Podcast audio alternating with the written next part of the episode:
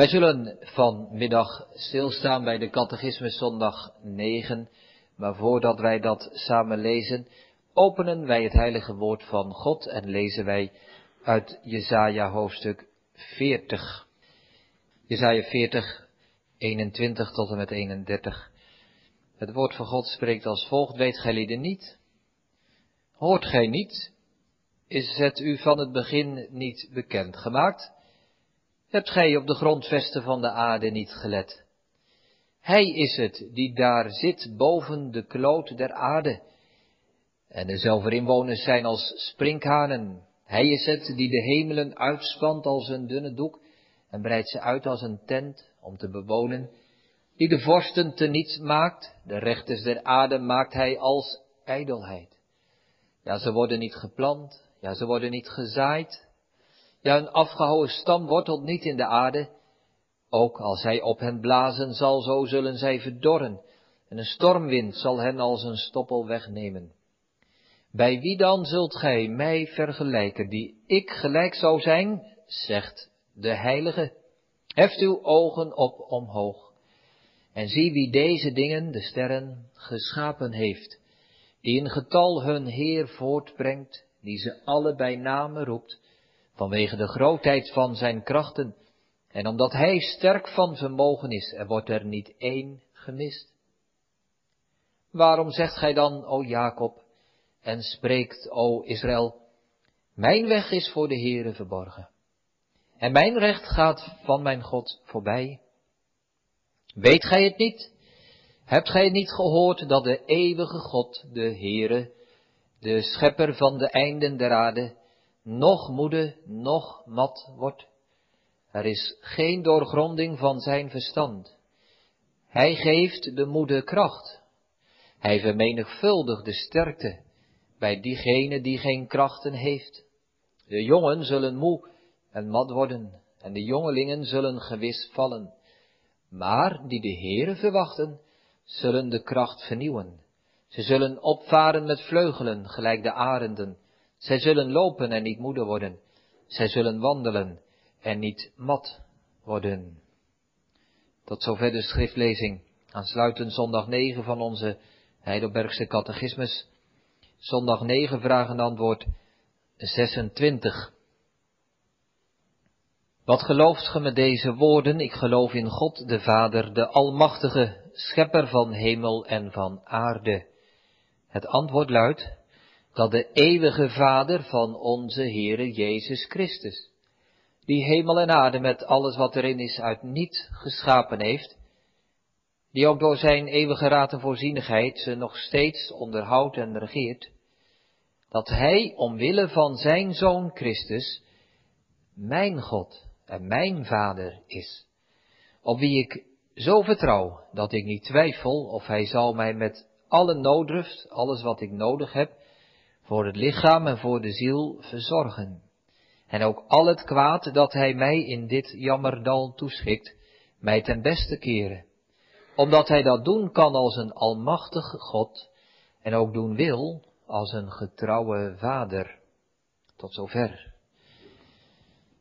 Wij willen met Gods hulp over deze uh, zondag 9 nadenken. Laten wij boven de preek schrijven ik geloof in God de Vader, de Almachtige, de Schepper. Drie gedachten zijn er die wij zullen overdenken. De kerk zegt hier drie dingen. Ten eerste, ik geloof in Gods almacht. Ten tweede, ik geloof in Gods liefde. En ten derde, ik geloof in Gods wijsheid. Wij schrijven boven de preek, ik geloof in God de Vader, de Almachtige, de Schepper. De eerste gedachte, ik geloof in Gods almacht. Dat staat voornamelijk aan het begin van het antwoord, de eeuwige Vader van onze Heer Jezus Christus, die hemel en aarde, met alles wat erin is, uit niet heeft geschapen en nog steeds onderhoudt en regeert. Zijn almacht. Ten tweede, ik geloof in Gods liefde. God wordt hier op een hele bijzondere wijze aangeduid. Het antwoord begint daarmee. Hij is de Vader van onze Heer Jezus Christus. En dan staat er iets verderop, dat Hij omwille van zijn Zoon Christus ook mijn God en mijn vader is. Daarin zien wij niet allereerst zijn macht, maar vooral zijn liefde. Dus dat is de tweede gedachte. Ik geloof in Gods liefde. En dan de derde gedachte. Ik geloof in Gods wijsheid. We zullen dan stilstaan bij het laatste gedeelte van het antwoord. Op wie ik zo vertrouw. Dat ik niet twijfel of hij zal mij met alles wat ik nodig heb naar lichaam en ziel verzorgen. Of het nu goed gaat, of het nu slecht gaat. En meestal gaat het niet goed, want dit leven wordt een jammerdal genoemd. Toch geloof ik in Gods wijsheid.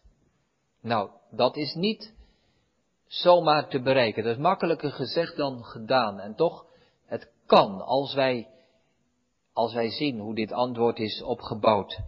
Als wij zien op Gods almacht, op zijn liefde, ja dan kunnen wij ook vertrouwen op zijn wijsheid. Dus dat zijn de drie gedachten. Gemeente, wij schrijven boven de preek van deze middag, ik geloof in God de Vader, de Almachtige, de Schepper. In onze eerste gedachte staan we stil bij zijn almacht. Ik geloof in Gods almacht. Vorig jaar oktober was ik een paar dagen op een conferentie. Die was belegd om een aantal verschillende mensen bij elkaar te brengen. En het ging over, ja, over schepping en evolutie. Waren allemaal christelijke mensen, theologen, wetenschappers, journalisten vanuit allerlei hoeken. En we zijn een paar dagen bij elkaar geweest om na te denken over hoe wij in deze huidige samenleving toch een christelijk geluid als het ware naar voren kunnen brengen. Als ik daaraan terugdenk en al die, die mensen die ik toen gesproken heb, ieder van zijn eigen, vanuit zijn eigen achtergrond, dan herinner ik mij voornamelijk één ding. Dat wij ieder afzonderlijk, maar ook samen zo onder de indruk waren van de geweldige almacht van God. Er waren mensen die anatoom waren, die alles wisten van het menselijke lichaam en van, de, van, van onze botten, schedel, alles. Die hadden daar weer veel zicht op. Andere mensen waren astronoom, die kenden, die kenden het heelal als het ware, die speurden het af met, de, met hun kijkers, scheikundigen, natuurkundigen. Er was een emeritus professor, natuurkundige uit Leiden, als ik het goed heb, die zei, die heel zijn leven dus bezig is geweest met de wetenschap. En die zei, wij weten nog geen 5% van hoe deze werkelijkheid in elkaar zit. Wat weten wij eigenlijk ontzettend weinig. Maar wat wij weten, dat kleine, kleine beetje wat wij intussen doorhebben, wat wij kunnen verklaren met onze wetenschappen, dat brengt ons tot diepe verwondering. Over de macht, over de wijsheid van God die dit alles geschapen heeft. Ik geef een paar voorbeelden. Een paar uit het dierenrijk. Een zeearend kan anderhalve kilometer hoog vliegen. Anderhalve kilometer, 1500 meter hoog. En zo'n dier kijkt naar beneden en ziet een vis in het water zwemmen. Die ogen zijn zo ontzettend scherp dat hij dat kan zien. Er zijn slangen die, die niet met hun ogen, maar met infrarood hun omgeving aftasten. En dat is zo ontzettend precies, een duizendste graad Celsius verschil kunnen zij waarnemen in warmte. Dat is de wetenschappers eigenlijk nog niet gelukt om, om zulke precieze instrumenten te maken die, die dat kunnen meten. Een duizendste graad Celsius verschil tussen de ene plek en de andere. En een slang die kan het. Die doet het voortdurend. Die leeft daarvan. Er was een sterrenkundige op die conferentie die ons vertelde dat er meer sterren in dit heelal zijn dan er zandkorrels op de aarde zijn. Ik wist niet wat ik hoorde. Als je nadenkt over hoe, hoeveel zand er is. Kinderen, je loopt een keer misschien naar binnen. Je hebt je voeten niet geveegd. Allemaal zand binnen. Hoeveel korrels zijn dat dan wel niet? Duizenden.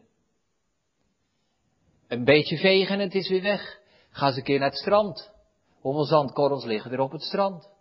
Hoeveel zandkorrels liggen er op de bodem van de grote oceanen? Onvoorstelbaar veel. Maar elke zandkorrel, als je daar een ster van zou maken en die zou plaatsen in het heelal, die onmetelijk grote sterren, elke ster is een zon op zichzelf, Maar er zijn meer zonnen, meer sterren in dit heelal dan zandkorrels op de aarde. En het duizelt ons, onbegrijpelijk. En dan zingen wij uit Psalm 147 en dan lezen wij in Jezaja 40 dat God de sterren telt en bij name kent. Wij voelen ons klein worden bij de macht en de majesteit van deze God. Er waren natuurkundigen op die conferentie en die vertelden dat de natuurconstanten, waar, waar, de, waar de wetenschap mee werkt, de snelheid van het licht, andere constanten, als die maar een fractie anders zouden zijn, een heel klein beetje anders, dan, dan kon het leven hier op aarde al niet meer bestaan. Dan zou heel dit heelal een andere wending nemen. Dan zou de aarde in de zon verdwijnen of, of nou alles zou anders zijn. Maar, maar God heeft die natuurconstante zo precies gemaakt tot op twintigste getal achter de komma of nog, nog veel preciezer. Zodat alles in evenwicht is en de zon beweegt en de maan beweegt en de aarde beweegt en de sterren bewegen en het melkwegstelsel beweegt. En, en het, het klopt op een, op een volmaakte manier. Dat is God. Die heeft dit alles gemaakt. Wij geloven in de almacht van God. Gemeente, als we het maar willen zien, dan leven wij in een wereld vol met wonderen. Vol met wonderen. Het is een geschapen wereld, voortgebracht door God, de schepper van hemel en van aarde. Alles wat er bestaat. Of wij nu ver weg kijken met de telescopen naar de hemel of met de microscoop naar, naar de kleinste diertjes en beestjes en, en, en noem maar op. Alles is door God geschapen en hij ziet het en hij kent het en hij weet het tot in het allerkleinste detail. Zo God hebben wij. In zijn wereld, in zijn werkelijkheid mogen wij leven. Ja, zegt iemand, maar ik heb misschien wel eens een boek gelezen of een film daarover gezien of iets anders, die evolutietheorie. Die heeft toch bewezen dat dat allemaal door evolutie is ontstaan? Vraag een gemiddelde wetenschapper en ze zullen het zeggen, ja, geloof in, in God de schepper, dat was van oude tijden. Dat was toen mensen dat nog niet begrepen, maar wij, wij begrijpen dat en wij weten precies hoe het allemaal ontstaan is. Ja, gemeente, ik weet dat ook wel, dat de mensen dat zeggen. En ik weet ook wel dat die evolutiebiologen er vast van overtuigd zijn dat zij gelijk hebben. En dat het geloof in God als schepper maar een fabeltje is. En toch, en toch gemeente, een eerlijke evolutiebioloog zal één ding moeten toegeven, namelijk dat hij met 1-0 achterstand begint. Wat bedoel ik daarmee?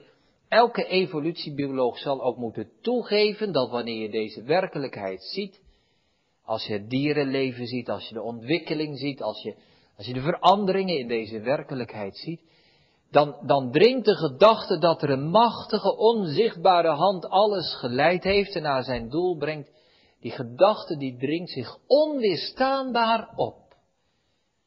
En een evolutiebioloog zal dat ook toegeven. Het lijkt wel alsof heel deze wereld geschapen is en, en ja, voortgebracht is door een grote geest.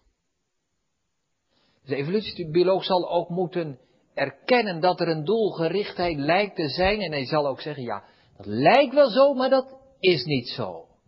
En dat zal hij eerst als het ware aan de kant moeten werken om dan met zijn eigen verklaring te komen. Ik denk dat wij dat ons ook mogen realiseren. Ik zal de laatste zijn, gemeente, om te zeggen dat de evolutietheorie een domme theorie is. Dat is niet waar. De beste, de knapste koppen, de grootste wetenschappers zetten hun krachten in om deze theorie te verdedigen. Dat is wel de werkelijkheid. Op allerlei terreinen, overal aan de universiteiten, wordt deze gedachte van de evolutietheorie voortgebracht. En, en, en de overheid geeft het geld uit om dit onderzoek te stimuleren en te bevorderen. Dat weet ik. Het is geen domme theorie. En toch, en toch is het belangrijk om dit te zeggen. Er is een haast tastbare aanwezigheid, zichtbaarheid van God als schepper in deze werkelijkheid. Charles Darwin, de grondlegger van de evolutietheorie, die zei het volgende. De gedachte dat er een goddelijke geest is, die alles heeft geschapen, is een gedachte die zich dikwijls met overstelpende kracht aan mij opdringt. Zijn woorden van Darwin. Overstelpende kracht aan mij opdringt. Terwijl hij heel zijn leven bezig is geweest om die evolutietheorie te verdedigen. En toch, die gedachte die dringt zich haast onweerstaanbaar. En wij hoeven ons daar niet voor te schamen als wij, als wij zo deze werkelijkheid en deze wereld mogen zien. De Nederlandse geloofsbeleidenis zegt het, het is als een schoon, een prachtig boek. Waar alle schepselen als letters in staan. Misschien zijn wij inderdaad als westerse samenleving op dit moment wel zover dat wij de letters niet meer willen of kunnen lezen. En toch is het een schoon boek. Dat getuigt, dat spreekt van God als schepper. Wij mogen dat beleiden. Dat is onmisbaar. Een christen die dit loslaat, is geen christen meer. God is de bron van alles, de schepper. En toch gemeente wil ik in onze eerste gedachte, als we nadenken over God, zijn almacht in de schepping en nog één punt bijnoemen. Wij, hè, wij kunnen overweldigd worden door die, door die macht en die majesteit van de schepping. Psalm 8 zegt, ga eens een keer naar buiten, kijk omhoog, zie de sterren. Je voelt je klein en je voelt je nietig en bij God. Wat is dat? Dat u aan ons denkt. Er kan op zo'n moment nog een ander gevoel bovenkomen. Als je de sterren ziet, als je, als je beseft hoe, hoe groot, onmetelijk dit heelal is. Dan kan het zijn dat je, dat je beangstigd wordt. Blaise Pascal, misschien een naam die, die sommige mensen wel eens gehoord hebben, een christen, hij zei, ik word vervuld met angst door de eeuwige stilte van de eindeloze ruimte. Er kan een, een gevoel van nietigheid, maar ook van eenzaamheid ons overvallen als wij, als we nadenken over dat immense heelal. Waar nergens anders menselijk leven, of helemaal geen leven, te vinden is. En het gaat maar door en het gaat maar door. Een boek Prediker spreekt daarvan. De rivieren stromen en de zon hijgt naar haar plaats. Het is zoals het geweest is en er komt nog een dag en nog een dag en nog een jaar en nog een eeuw. En het gaat maar door en het gaat maar door. Zozeer dat men er eindeloos moe van wordt, zodat je het niet kunt uitspreken. Ja, gemeente, dat is ook een, ook een kant van deze, van deze schepping. Mede door de zonde, ik zeg dat erbij, maar wij kunnen ons dat soms wel zo, zo ervaren, hè? Die, die leegheid als het ware, die stilte van dit heelal. En zeker als wij bedenken dat deze, dat deze wereld in al haar pracht ook, ook vermorzelend en, en, en verwoestend kan zijn.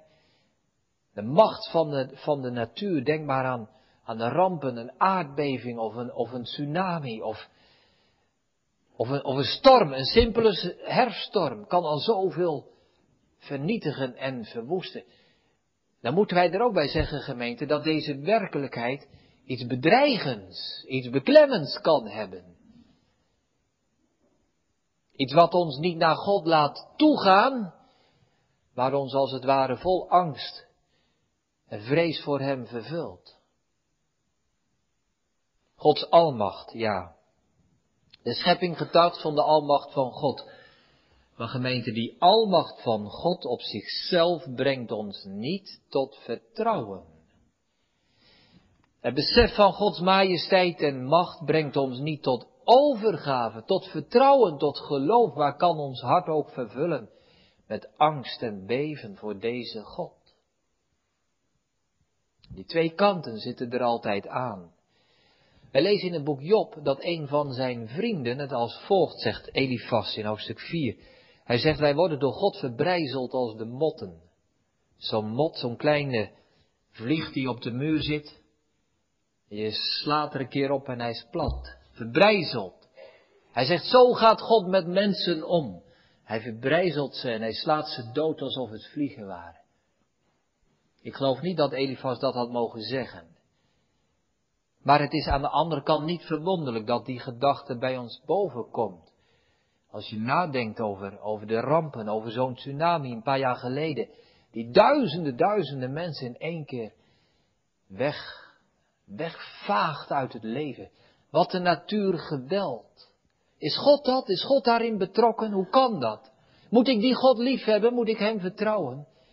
Ik zou niet durven. Dat hoort ook bij deze schepping, de majesteit en de macht die God daarin toont. En daarom de vraag gemeente, hoe komen wij van die, van dat besef van almacht toch tot een besef van Gods liefde? Onze tweede gedachte, onze eerste gedachte was ik geloof in Gods almacht, de tweede gedachte ik geloof in Gods liefde. Hoe kan dat gemeente? Als ik onder de indruk ben van zijn macht, zijn almacht. Het doet mij huiveren en beven als ik, als ik zijn macht en grootheid besef. Hoe, hoe kom ik dan tot overgave dat ik hem niet vrees, maar dat ik in vol vertrouwen hem als mijn vader zie? Ik geef een voorbeeld. Kinderen, er was eens een, er was eens een jongetje. En die jongen die wilde naar de koning gaan ging thuis niet goed. Er waren mensen die hun gezin benarden, het moeilijk maakten. En dat jongetje dat dacht, wie kan ons helpen? Wie kan ons beschermen? De koning, de koning, die wil ons vast helpen. Het jongetje ging naar het paleis van de koning. En hij zag daar dat grote eh, paleis, dikke muren eromheen. Grote oprijlaan. Een grote poort aan het begin, maar bij die poort stonden een paar schildwachten. Het jongetje dat wilde naar de koning, maar, maar hij durfde niet. Hij zag die soldaten daar staan. Hij zag die poort, hij zag dat grote paleis. Hij dacht, moet ik bij die machtige koning naar binnen komen? Ik zou niet durven. En hij bleef daar staan, verlegen en bang bij de poort van het paleis. En toch, hij, hij moest zijn nood kenbaar maken. Hoe kan hij daar komen? Hoe zou hij weten dat die koning hem helpen wil? En toen gebeurde er wat bijzonders. Er kwam nog een jongetje aanlopen. En dat jongetje vroeg aan dat eerste jongetje, waarom sta jij hier? Wat doe jij hier? Ja, zegt die jongen, ik wil, ik zou naar de koning willen, ik heb een vraag voor de koning. Ik zou hem willen vragen of hij mij helpt. Die tweede jongen die zei, kom maar. En hij pakte de hand van die eerste jongen en zei, kom maar mee. En ze liepen samen die, die poort door. En ze liepen samen langs die schildwachten. En die deden helemaal niks. En ze liepen samen over die lange oprijlaan. En samen gingen zij de, de deur van het paleis binnen. En die tweede jongen, die bracht die eerste mee. En hij, ze bracht, hij bracht hem naar de, naar de troonzaal waar de koning zit. En die jongen die kon daar zo doorlopen en die mocht daar binnenkomen. En ik bracht die eerste jongen pal voor de troon van de koning. En hij zei, stel je vraag maar. Zeg het maar aan de koning. Hoe kan dat nou? Hoe kon die tweede jongen dat nu zomaar doen? Wel gemeente, die jongen was de zoon van de koning. Het was de prins. Die koning was zijn vader. En hij zei dan ook, stel je vraag maar aan mijn vader. Dat beeld kunnen wij vasthouden als wij, als wij het antwoord uit onze catechismus willen begrijpen. Hoe komen wij tot God als onze vader? Dat kan alleen door Hem, door de Heer Jezus, die God zijn vader noemt. Het antwoord vanuit onze catechismus is vanuit die gedachte geformuleerd. Laten wij zien wat er staat. Dat die eeuwige Vader van onze Heer Jezus Christus, die hemel en aarde met alles wat erin is uit niet geschapen heeft, die ook door zijn eeuwige raad en voorzienigheid ze nog steeds onderhoudt en regeert, omwille van zijn Zoon Christus, mijn God en mijn Vader is. Gemeente, er is er maar één die rechtstreekse toegang heeft tot God en dat is Jezus Christus. Omdat Hij de Zoon van God is. Hij was de enige die op die, op die unieke, die bijzondere manier God als zijn Vader kon aanspreken. Dat heeft Hij ook gedaan. Heel zijn leven was er vol van. Mijn Vader werkt tot nu toe en ik werk ook. Zelfs aan het kruis, toen hij daar hing, van alles verlaten. Toen de dood kwam, toen zei hij, Vader, in uw hand beveel ik mijn geest, Vader. En dat is de weg naar het hart van God. Alleen in de Heer Jezus kunnen wij de liefde van God zien. Onze tweede gedachte, ik geloof in Gods liefde. Hoe kan ik weten dat God mij lief heeft? Hoe kan ik geloven dat God mijn vader is? Kan dat zo rechtstreeks? Nee, gemeente, dat gaat niet zomaar. Dat gaat niet zomaar. Dat kan alleen door deze zoon, de zoon, die enige geboren zoon van God, Christus. Maar omwille van Christus, zegt het antwoord, wil en zal die God, mijn God en ook mijn Vader zijn. Omdat Jezus de Zoon is, kunnen wij tot Zoon worden aangenomen. Omdat God de Vader van Jezus is, kan Hij onze Vader zijn. Dat is ook het nieuwe dat de Heer Jezus als het ware ingebracht heeft. Als je het Oude Testament leest, dan, dan is het maar zelden, zelden, misschien een paar keer, vijf keer hoogstens denk ik in het hele Oude Testament, dat de naam Vader voor God gebruikt wordt. Maar als de Heer Jezus ons leert bidden, zegt Hij, spreek alzo, alzo onze Vader, die in de hemelen zijt. Vanaf dat moment, door Christus, mogen wij God onze Vader noemen. Ja, gemeente, het is waar. Die, die verheven God, hè?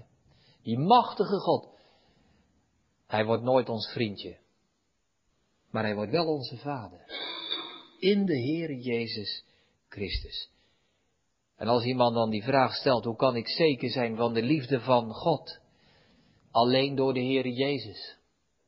Alleen door de Zoon, Christus. Alleen door Hem kunnen wij verzekerd zijn van de liefde van God. Daarin zien wij de liefde van God, gemeente.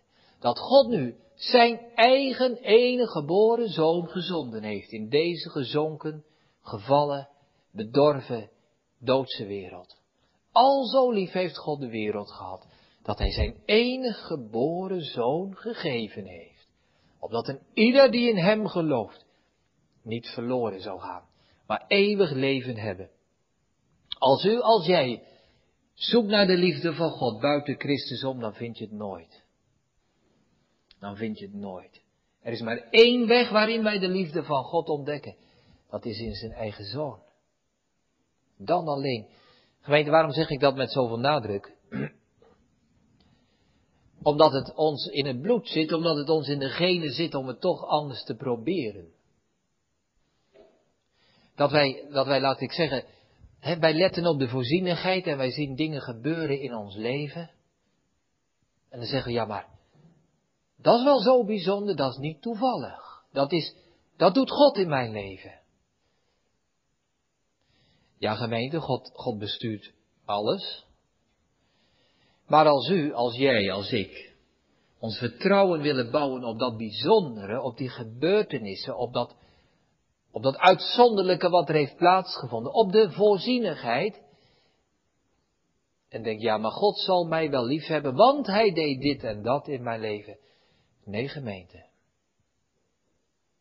Ten eerste brengt het je nooit tot zekerheid, want je blijft altijd twijfelen. En ten tweede, dat is nog terecht ook.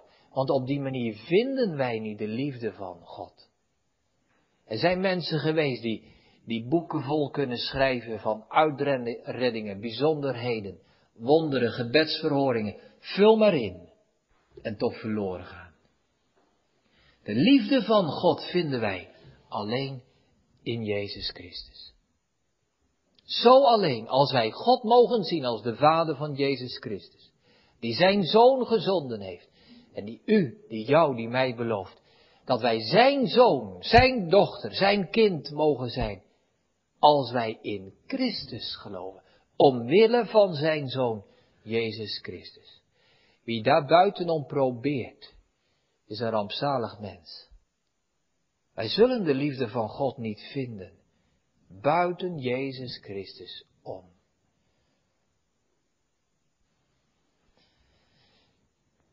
Dat is onze beleidenisgemeente. Vanaf het allereerste moment van het christelijke geloof, ik geloof in God de Vader, kunnen wij alleen maar over Hem spreken door Jezus Christus. Alleen in Hem, in de Zoon, wil God ons Zijn liefde geven. En daarbuiten hebben wij geen zicht op de goedheid en op de liefde van God. Maar in Hem mogen wij daar zeker van zijn. Dat is wat gemeente. Als wij dan nog een keer naar buiten gaan en wij zien die sterren in een heldere nacht. Als wij ons realiseren, we staan aan de oever van de zee en we zien die golven en we zien het zand en we bedenken hoe groot en machtig dit heelal is. En wij voelen die neiging tot, tot beven, tot ontzag in ons omhoog klimmen. Haast dat beklemmende gevoel van deze machtige schepping. Dan mogen wij bedenken, als ik in Jezus Christus geloof, dan is die God die dit alles geschapen heeft,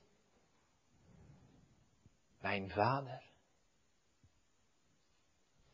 die mij lief heeft met zijn eindeloze goddelijke liefde. Hij die de sterren telt en alle bij name kent, hij kent mij heeft mij lief in de Heer Jezus. Ja, gemeente, zo en zo alleen kunnen wij geloven in de liefde van God. We gaan naar onze derde gedachte. Ik geloof in Gods wijsheid. We hebben ten eerste gezien, ik geloof in Gods almacht. Ten tweede, ik geloof in Gods liefde. Ten derde, ik geloof in Gods wijsheid. Er komt een vraag op. Ja maar. Ja maar, als God dan liefde is en als God almachtig is, waarom is er dan zoveel ellende en kwaad in deze wereld? Het is geen vraag die je vaker hoort, hoort stellen aan christelijk geloof dan deze. Als God alles kan, en als God goed is, van waar dan het kwaad? Waarom die zonde? Waarom die ellende? Het kan niet allebei waar zijn. God is goed en God is machtig. Want dan was deze wereld wel anders.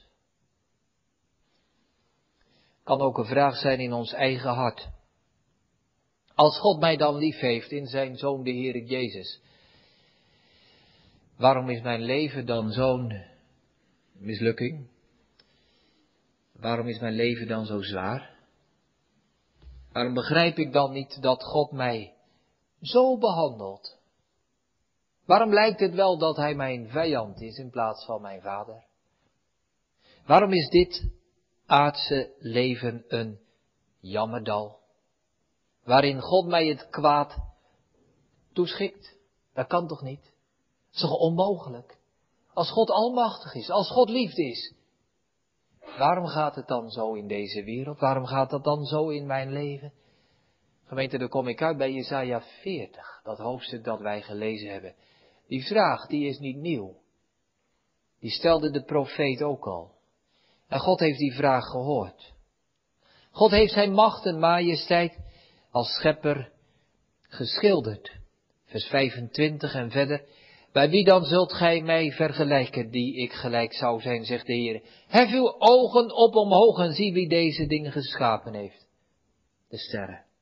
Die getal hun Heer, hun leger voortbrengt, die ze allebei namen roept vanwege de grootheid van zijn kracht, omdat hij sterk van vermogen is. Er wordt er niet één gemist. En dan in vers 28, weet gij het niet? Hebt gij niet gehoord dat de eeuwige God, de Heere, de schepper van de einde der aarde, nog moede, nog mat wordt? En dan komt er een zinnetje achteraan, er is geen doorgronding van zijn verstand, van Gods wijsheid. Gemeente, dat, dat verstand van God. Daar kunnen wij niet bij. Omdat het daar veel te groot en veel te diep voor is. Die wijsheid van God is zo oneindig veel meer dan wij kunnen begrijpen. Geen doorgronding van zijn wijsheid. God doet het goed. Ja, maar ik begrijp dat niet. Ik kan God niet navolgen. Nee, natuurlijk niet. Want God is toch veel wijzer dan wij bij elkaar. Dan alle mensen van deze wereld bij elkaar. Er is geen doorgronding van Gods verstand. En daarom is het waar, gemeente, een, een gelovige krijgt in dit leven weinig antwoorden. Waarom doet God dat? Ja, zeggen we dan, dat mag je niet vragen, je moet vragen waartoe.